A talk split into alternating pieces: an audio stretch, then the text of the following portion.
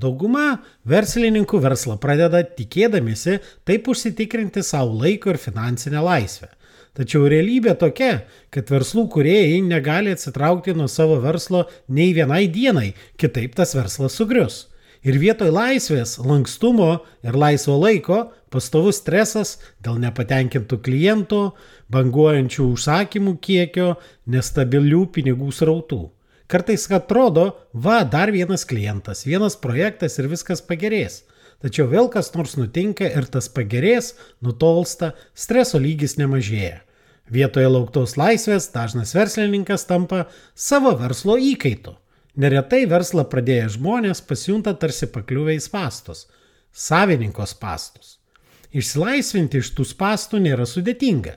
Tiesiog reikia susisteminti versle vykstančius procesus ir pradėti veikti kaip verslininkui, o ne amatininkui. Tačiau paprasti dalykai nebūtinai yra lengvi. Todėl kviečiu prisijungti prie spalio mėnesį startuosiančios jau 16-osios specialios verslo vadovų įgūdžių tobulinimo programos nuo amato prie verslo grupės. Jau šimtai įmonių savininkų pasinaudojo šitą nuo amato prie verslo sistema, reikšmingai patobulino savo verslus ir dabar ne tik turi geresnius finansinius rezultatus, bet ir turi daug daugiau laisvo laiko savo. Todėl gali ir rezultatais pasidžiaugti, ir pabūti su artimai žmonėm, ir užsiimti jiem patinkamą veiklą. Daugiau informacijos rasite puslapyje www.amatasverslas.lt.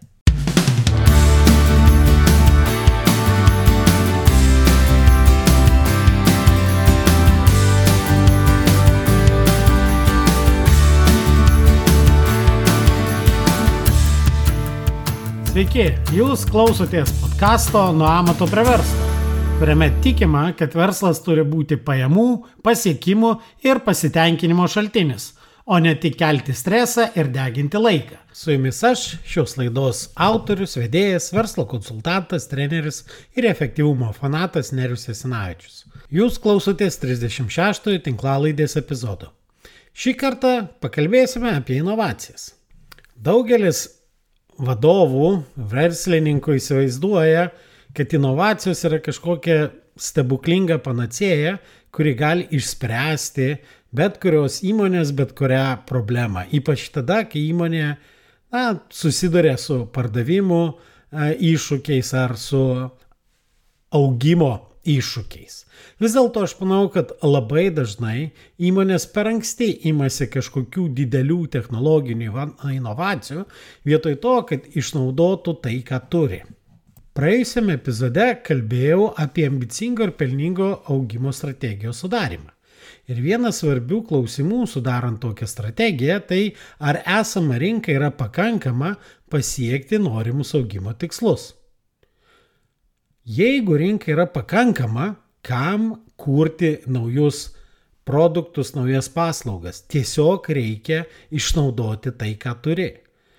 Tačiau labai dažnai kompanijos vietoj to, kad išnaudotų tai, ką turi, imasi labai rizikingų žingsnių ir kuria naujus produktus, reikšmingai naujus produktus, įvairias technologinės inovacijas ir panašiai. Taip, žinoma, inovacijos tai tikrai neblogas būdas įgauti ilgalaikį konkurencinį pranašumą. Tačiau ne visuomet tos inovacijos turi būti rizikingos. Pasižiūrėkime, koks geriausias būdas ir nuo ko reiktų pradėti daryti tas inovacijas. Pirmiausiai aptarkime inovacijų riziką. Inovacijos tai visada vienokia ar kitokia naujovė. O naujovės turi tam tikras rizikas. Pirmiausiai tai yra pirmo karto bauda.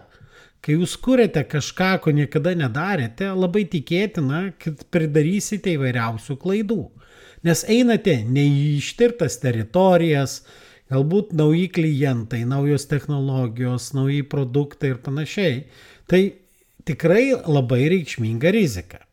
Tačiau inovacijos gali jums suteikti ir didelių pranašumų. Tai galimybė atsiplėšti nuo konkurentų, tai galimybė sukurti žydrąjį vandenyną Beje, apie žydrąjį vandenyną jau mes šnekėjome su Martynu Šaikumi, pasiklausykite, jeigu dar neklausėte to epizodo.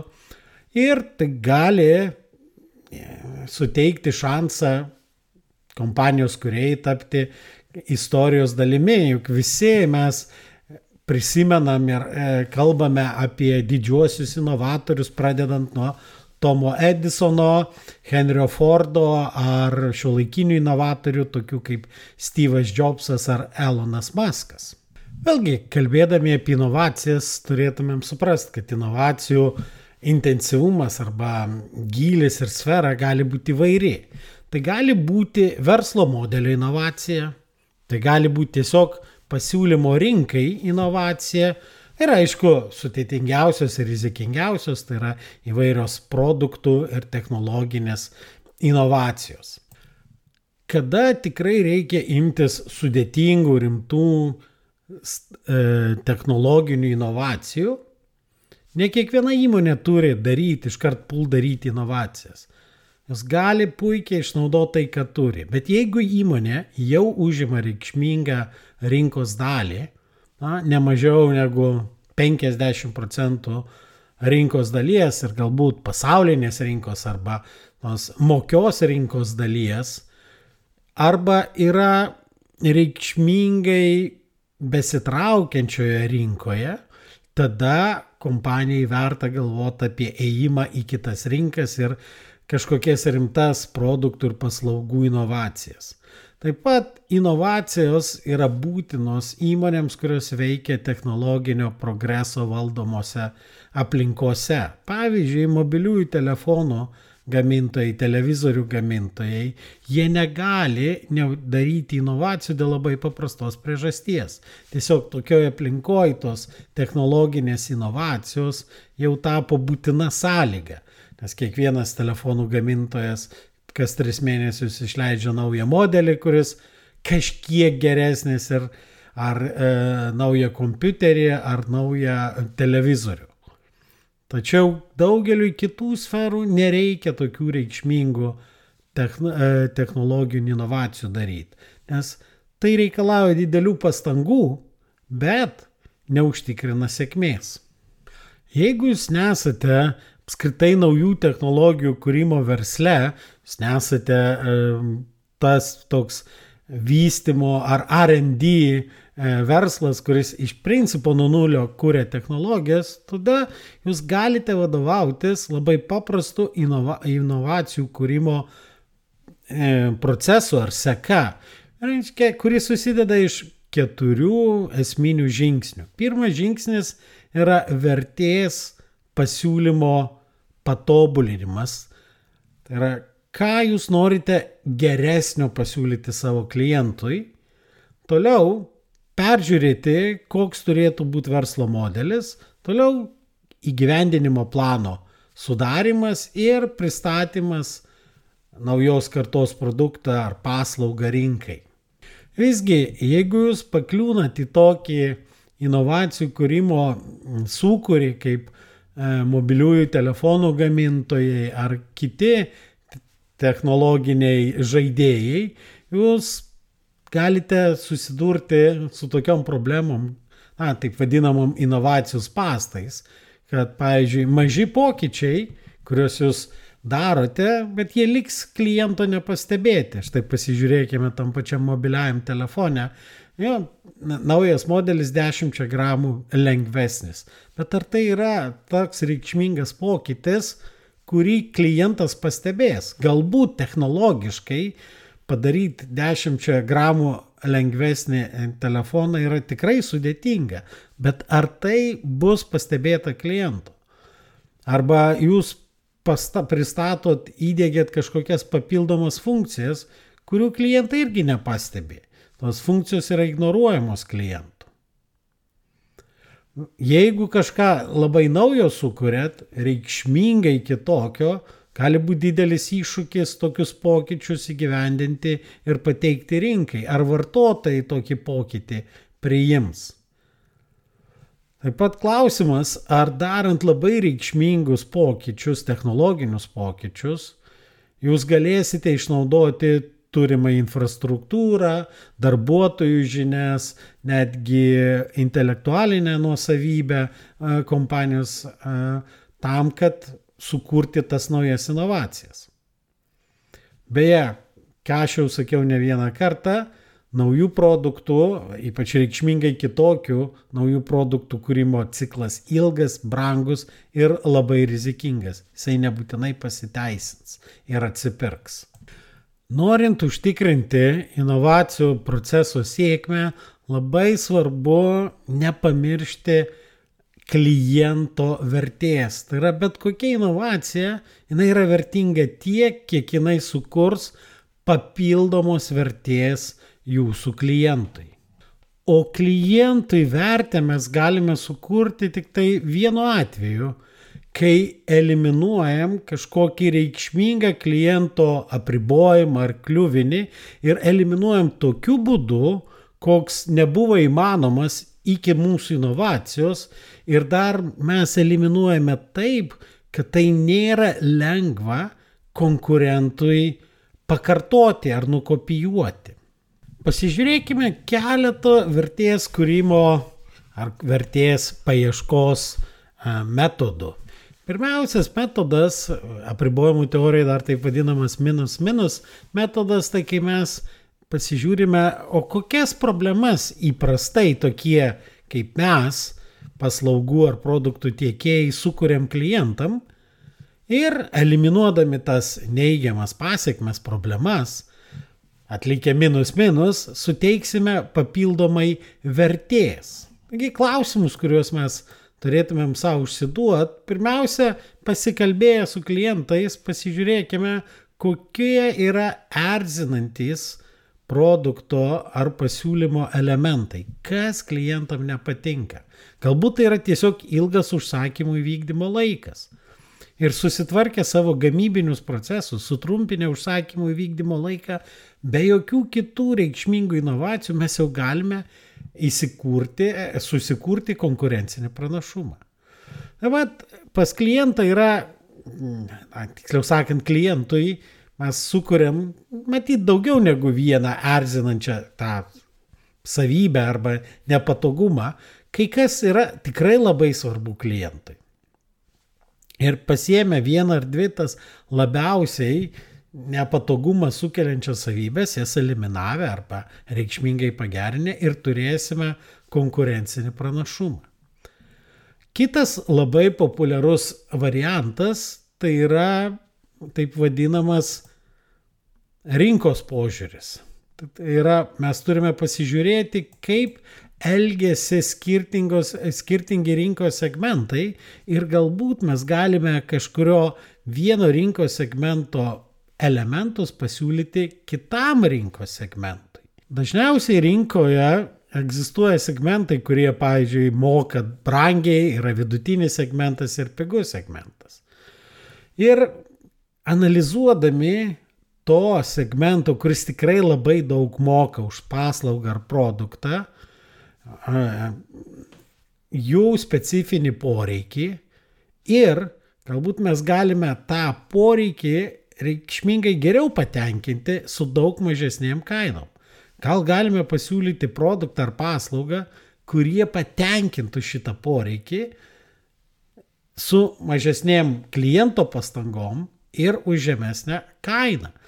Iliustruodamas šitą būdą Tiesiog papasakosiu istoriją iš savo patirties. Kažkada teko dirbti su vyriškų kostiumų gamintoju, kurio pagrindinis verslas buvo iš to, kad jisai vykdydavo užsakymus, tai yra siūdavo dideliais kiekiais įvairiems brandams vyriškus kostiumus. Tačiau mm, maržos tame versle reikšmingai mažėjo dėl įvairiaus konkurencijos, bet kas svarbiausia, labai smarkiai augo kaštai, nes darbo užmokestis tų siuvėjų labai smarkiai augo. Taigi jam reikėjo išeiti į kitą rinką, į kitą rinkos segmentą. Ir išanalizavę rinkos segmentą mes pamatėme, kad yra daug labai plati rinka žmonių, kurie perka standartinius kostiumus. Tačiau yra labai mažas rinkos segmentas tokių žmonių, kurie siūdinasi kostiumus, siūvasi individualius, užsisako individualius kostiumus pas siuvėjus ir panašiai. Skirtumas kainoje galėjo būti 4-5 kartus. Individualiai pasiūtas kostiumas kainuoja 4-5 kartus, o gal ir kartais net 10 kartų brangiau negu standartinis parduotuvėje pirktas kostiumas. Ir tada mes užsidavėm savo klausimą. Jeigu yra uodega, jeigu yra nedaug tų klientų, kurie nepaisant ten kelių pamatavimų ir e, daug aukštesnės kainos vis tiek užsisakinėja individualius kostiumus, vadinasi, yra nemažas poreikis ir pas kitus klientus individualiam kostiumam, tačiau jie nenori mokėti tai brangiai arba vaikščioti penkis kartus pasimatuot pas, klient, e, pas siuvėją tą kostiumą. Bet jeigu yra uodega, tai turi būti ir šuo. Ir mes norim tą visą šunį paimti. Dėl to buvo nuspręsta pateikti rinkai galimybę, tai yra klientam sukurti galimybę įsigyti individualų kostiumą, kuris yra pasiūtas pagal tavo išmatavimus, tu pats pasirenki savo medžiagą, pasirenki pamušalą ir gauni individualų kostiumą už beveik standartinio kostiumo kainą. Va čia yra inovacija, nors realiai esminė inovacija buvo pertvarkyti gamybinius procesus taip, kad būtų galima per konvejerio liniją siūti atskirą kostiumą, o ne tūkstantį iš karto. Bet nieko išradinėti nereikėjo. Kostiumai eina, kostiumų gamybos technologija ta pati. Taip pat, jeigu Toyota ar kitos automobilių gamintojai sugeba pagaminti individualų automobilį, tai nieko keisto ir neturėtų būti labai sudėtinga pagaminti individualų kostiumą. Beje, ta istorija netgi aprašyta buvo verslo klasėje ir straipsnis vadinosi Vyriškų kostiumų Toyota, galite pasigūglinti ir rasti tą istoriją pasiskaityti. Beje, tos kompanijos atstovai yra ir Lietuvoje ir jūs galite užsisakyti individualų kostiumą pagal savo išmatavimus. Tiesiog pasižiūrėkite internete puslapį www.tavokostiumas.lt. Na ir dar vienas galimas inovacijų kūrimo kelias, tai yra pasižiūrėti per produktą reikia pasižiūrėti, kokie produkto parametrai nėra tinkami klientui ir padaryti tokių parametrų reikšmingą pokytį. Vėlgi, kaip kalbėjome žydrojo vandenino diskusijoje su Martinu, reikia pasižiūrėti, kokie yra produkto paslaugos esminiai parametrai. Ir jeigu kurį nors parametrą smarkiai pakeisime į bet kurią pusę, pridėsim, sumažinsim, kaip tai paveiks klientą. Ir jeigu mes pridėję ar sumažinę prie vienokį ar kitokį parametrą, gal galim turėti kažkokį unikalų, dėl to atsiradusi unikalų sprendimą. Paimkim tą patį Ryanair ar kitos tos vadinamos pigių skrydžių kompanijos. Ką jos pasižiūrėjo? Jos pasižiūrėjo, kad jeigu nuimti iš kliento ten tą visą papildomą servisą ant žemės, kurį jisai gauna, ir neduoti jam persėdimų, o tiesiog daryti tą skrydį iš taško į tašką ir nebūtinai pačius geriausius oro uostus.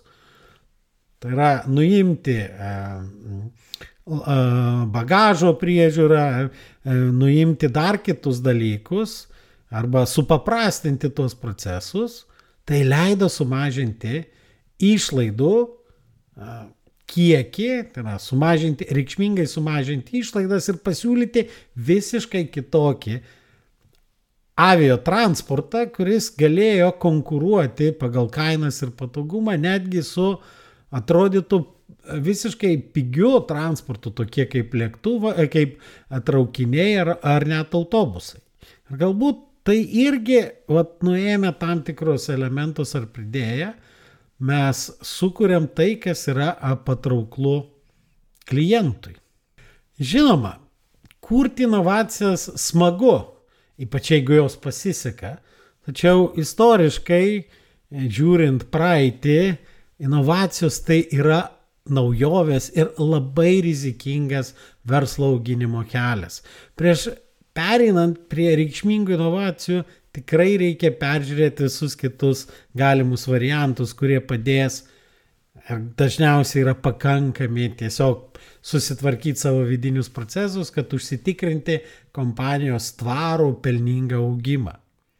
Beje, nėra visiškai saugaus inovacijų kūrimo būdo, tiesiog reikia įsidėti tam tikrus reikšmingus saugiklius, kad inovacijų kūrimas nesužlugdytų jūsų kompanijos. Ir prieš pradėdami bet kokią inovaciją, pradėkite ne nuo to, ką jūs mokat padaryti geriau, bet supraskite, kas yra ir kas nėra klientai vertė ir ką klientas įvertins. Nes kad ir kokią nuostabią inovaciją sukurtumėt ir kokią nuostabų turėtumėt sprendimą, jeigu klientas tam neturi tokios problemos arba tokiam sprendime nemato vertės, jūsų tokia inovacija dėja, bet nebus sėkminga. Visgi, jeigu nesate tikri, ar reikia ar nereikia daryti inovacijos, tai visuomet galime susitikti ir pasišnekėti ir įvertinti jūsų situaciją. Ant kiek daug reikia rizikuoti, kad pasiekti reikšmingus rezultatus. Ir dažniausiai jūs jau turit nemažai dalykų pasidarę, juos reikia tiesiog šiek tiek patobulinti ir jūs galite turėti labai gerus rezultatus. Tai šiandien tiek ir iki kitų epizodų.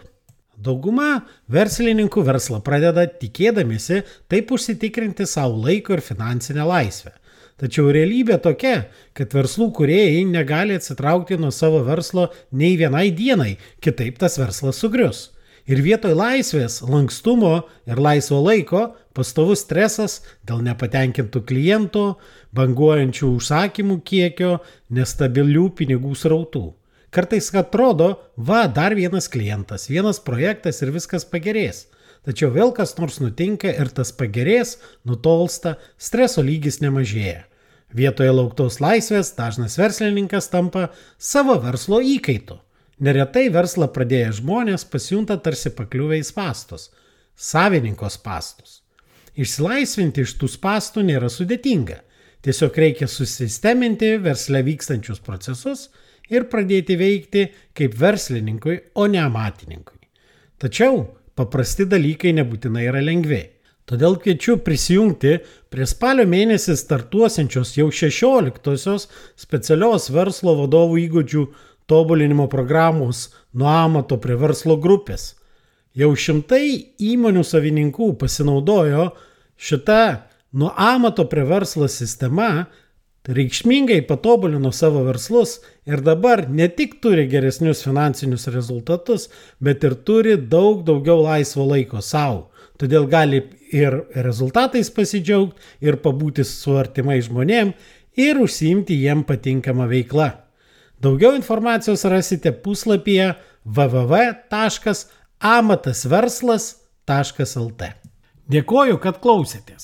Ir nepamirškite užsiprenumeruoti šį podcastą, kad visuomet gautumėte informaciją apie naujausias laidas.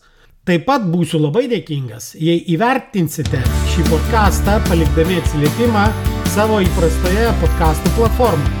O jei pažįstate kažką, kam jūsų nuomonė šis podkastas būtų naudingas, būtinai pasidalinkite. Iki!